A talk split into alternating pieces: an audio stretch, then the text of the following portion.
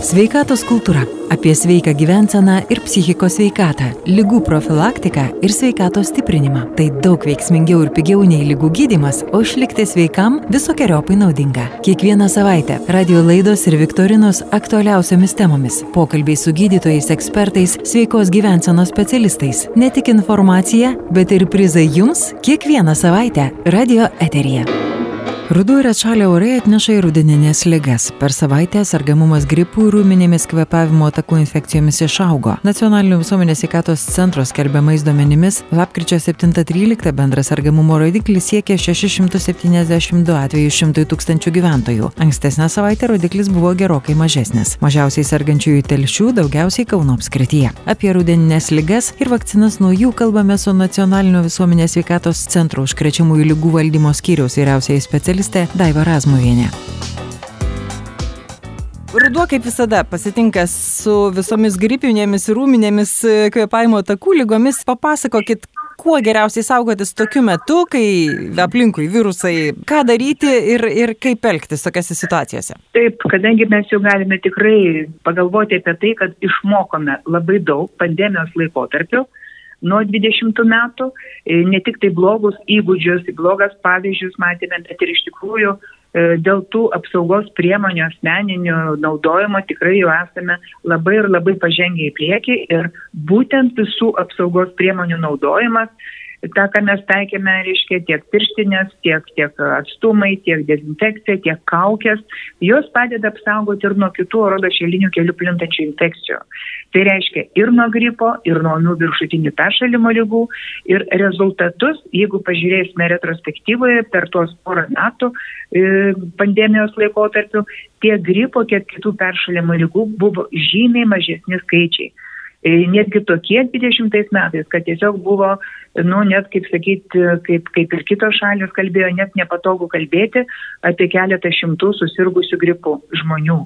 Taip kad e, tikrai tas turėjo įtakos. Dabartiniu metu jau tikrai ta mm, situacija kaip ir yra laisvesnė dėl COVID infekcijos, aš turiu omenyje, bet žmonės, kaip yra pastebima dabartiniu metu, vis dėlto jie naudoja tas priemonės, jau iš tikrųjų išmoktas ir, ir troleibusuose, autobusuose, transporte, jie vis dėlto tas priemonės naudoja ir aš manau, kad tai yra teisinga, nes šiuo metu vis dėlto tos peršalimo lygų sukėlėjai visok įvairiausių, tiek virusai, tiek bakterijos, tiek gripo virusas, jis yra labai lakus, tiek vis COVID infekcija ir be abejonės, sakykime, sakykime taip, kad užsikrėsti e, uždaroje patalpoje lygiai tokia pat galimybė, kaip ir buvo, sakykime, COVID infekcijos metu. Tai dabar jau mes turime, e, kaip ir lapkričio vidurį, gripo sezonas prasidėjęs yra spalio pradžioje, bet sergamumo skaičiai kiekvieną savaitę jie yra renkami ir e, skaičiai neauga labai taip, eks, reiškia, eksponentinė tokia, tokia nu, tvarka. Tiesiog kiekvieną savaitę būna po 5-6 naujus gripo atvejus. Lietuvoje, bet, tai iš tikrųjų labai mažai. Lietuvoje, skaičiai. taip, po 5-6 padaugėja, bet būna taip apie 25-35 gripo atvejų sumoje per vieną savaitę. Bet kaip aš sakiau, tas didėjimas, jis yra, sakykime, po ten keletą, po 5-8 atvejus. Ir vėlgi peršalimo lygų registruojama kažkur tai apie 15-20 tūkstančių.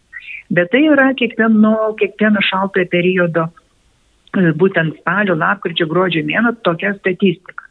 Šiais metais jinai truputį yra renkami skaičiai kartu su COVID į vieną eilutę renkami, gripo susirgymai, ūmių peršalimo lygų ir COVID infekcijos susirgymo skaičiai, nes, kaip žinome, ir plitimo kelias, ir simptomai yra praktiškai vienodi ir todėl sergamumo visi rodikliai dabar yra vedami iš bendros tos visų sukėlėjų puokštės.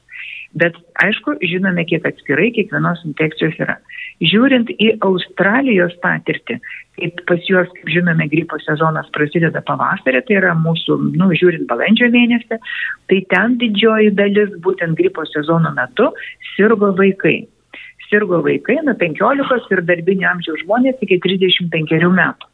Tai vėlgi, mm, jeigu tą patirtį pritaikyti Lietuvai, šiuo metu negalime pasakyti, kad serga daugiau vaikai, Bet, kaip žinome, virusas tik taip nu, pradėjo dabartiniu metu po trupučiuką didėti, sergančiųjų auga po trupučiuką, tai galbūt tas sergamumo pikas, kaip kasmet, mes jį pasiekime kažkur gruodžio pabaigoje, po kalėdų, sausio mėnesį, o praėjusiais metais buvo net vasario mėnesį. Nuo orų priklauso irgi šiek tiek, ar ne, tavrasne, koks laukia e, tas klimatas. Taip.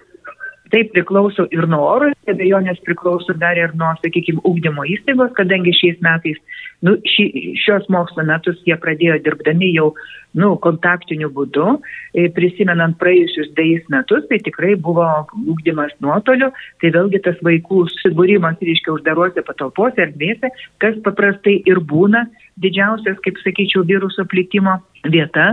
Šiais metais kol kas nematome, kad būtų vaikų skaičius ypatingai šiuo metu didėtų sergančiųjų. Bet yra kitos infekcijos, kaip respiracinis incicinis virusas ir juos serga vaikai, simptomai yra panašus būtent į peršalimo lygas, tai vėlgi laboratoriškai dabartiniu metu yra įmami mėginiai, ėminiai, nes medikas jisai konstatuoja faktą pagal simptomus, vieną ar kitą infekciją, bet norėdamas iš tikrųjų nu, sužinoti, kas tikrai sukėlė vienus ar kitus simptomus, yra atliekama, reiškia, laboratoriniai, įmanėjai laboratoriniams tyrimams ėminiai ir diferencijuojama, ar tai gripo virusas, ar tai COVID, ar tai respiracinis, sincitinis, reiškia, virusas. Tai dabartiniu metu Lietuvoje yra jau įmani, išskiriami tiek gripo A tipas, tiek gripo B tipas ir išskiriamas tas RSV, respiracinis, reiškia, virusas, kuris dažniau ir pažeidžia nu, vaikus, jaunesnių vaikų amžių bet vėlgi negalime daryti išvadų, kad taip ir bus visą sezoną, nes tai yra tik sezono pradžia. Minėjot, kad gripo ir A, ir B uh, tipai uh, ir panašiai. Kaip tokiu atveju skiepai, ar jie pritaikyti abiems virusams, ar kaip nes irgi kiekvienais metais juk vis kinta, ar ne šiek tiek tas virusas ir paprastai ir skiepai taikomi tam arba anam, kas ateina, kas planuojama, kad bus. Kaip tokiu atveju, kai kelių tipų tie gripai? Taip, kadangi vakcina šiais metais nupirkta keturvalentė, taip kaip ir buvo praėjusiais metais jau keletą metų, metų ligonių, valstybinė ligonių kasa perka keturvalentę, kurios sudėtyje yra e, antigenai prieš 2A ir prieš 2B gripo virusus.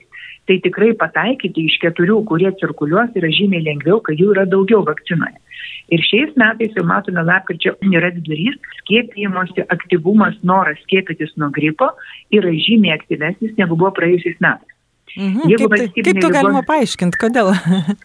E, galbūt tai nu, sunku paaiškinti labai dabartiniu metu, kaip čia vyks toliau skiepimai, bet dabar jau yra iš tos, reiškia, valstybės ligonių kasos įsigytos vakcinos iš 200 tūkstančių, didesnė pusė jau yra išskiepyta. Didžioji dalis, aišku, yra seniorai virš 65 metų paskiepyti, tik tai tuo pačiu norėčiau tikrai priminti, kad būtent medikų bendruomenė slaugos globos namų gyventojai, jiems priklauso nemokama būtent vakcina gripo, nešios moteris ir visi turintys lėtinių lygų, tame tarpe ir vaikai nuo pusės metų gali būti skiepijami taip pat valstybės biudžeto įsigyta vakcina.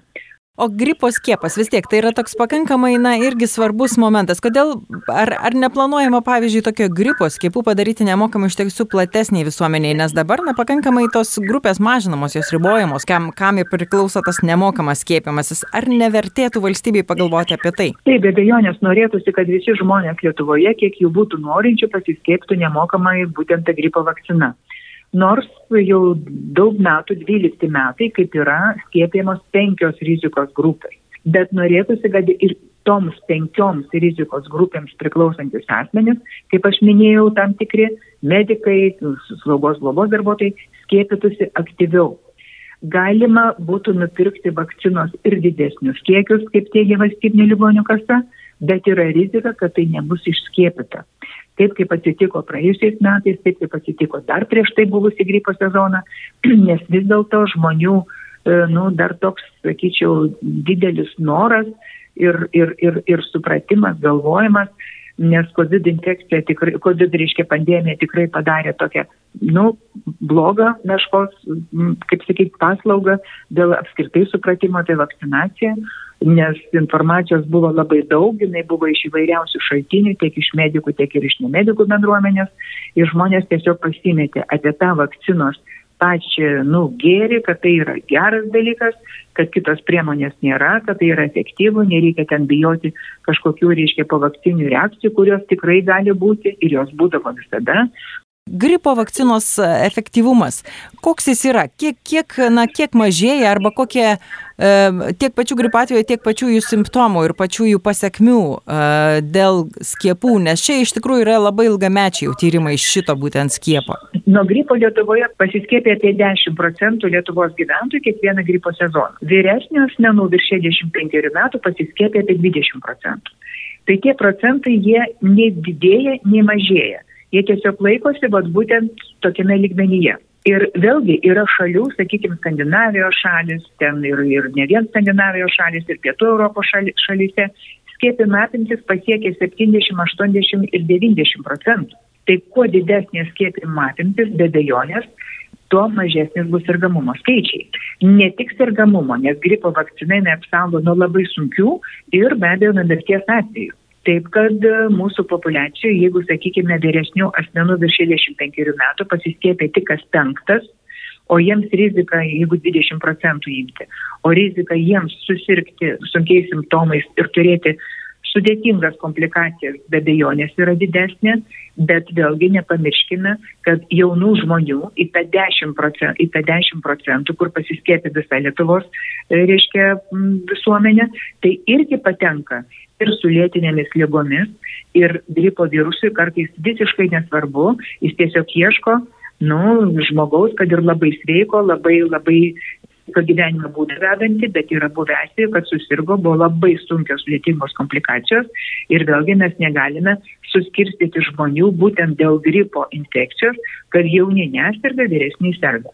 Ne, taip nėra. Bet skiepimo apimtis Lietuvoje tikrai yra ganėtinai žemos ir mes kažkur tai Europos, e, ir, e, Europos šalių ir ekonominės erdvės šalių tarpe kažkur esame 5-6 nuo galo. Mhm. Taip kad reikėtų dar mums stipriai pasi, pas, pasistengti, nes tie skaičiai tiesiog jie yra, tiesiog, kaip aš sakau, užburti, būtent sustojo būtent uh, tose procentuose, nei daugiau, nei mažiau. Tikėtina, kad tiesiog tie patys žmonės skiepijasi kasmet. E, dabar dėl koronaviruso skiepo iš tikrųjų didelė dalis žmonių turi tris skiepus ar panašiai. Kaip, jūs, kaip, kaip su ketvirtu elgtis, po kiek laiko, ypatingai jeigu sirgusiems žmonėms, kokios rekomendacijos yra? Taip, rekomendacijos yra ganėtinai įvairios ir reikėtų, jeigu asmo nusprendė pasiskiepyti, tai jisai turi kreiptis į savo šeimos gydytoją Nes vėlgi e, žmonių kreipiasi į savo šeimos gydytoją norėdami pasiskiepyti, sakykime, nuo, SARS, nuo, nuo COVID infekcijos, vykdami į kokią tai šalį. Tai sakykime, kitos šalis dabartiniu metu, jos reikalauja būtent, kad nebūtų vakcinos įskiepytos skirtingos nuo COVID infekcijos. Reiškia, turi būti tos pačios vakcinos testinumas. Ar tai bus antra dozė, sakykime, ar tai bus trečia dozė, ar tai bus ketvirta dozė. Bet čia yra intervalai labai skirtingi po to, kada tu sirgai, kaip tu sirgai, kaip tu jautiesi, kada tu skėpėsi, kokią vakciną skėpėsi. Tai gydytojas, į kurį asmo kreipiasi, jis mato elektroniniai erdvėjai, e-sveikatai ir tikrai įvertinęs visas aplinkybės, jisai paskirs vieną ar kitą skiepą.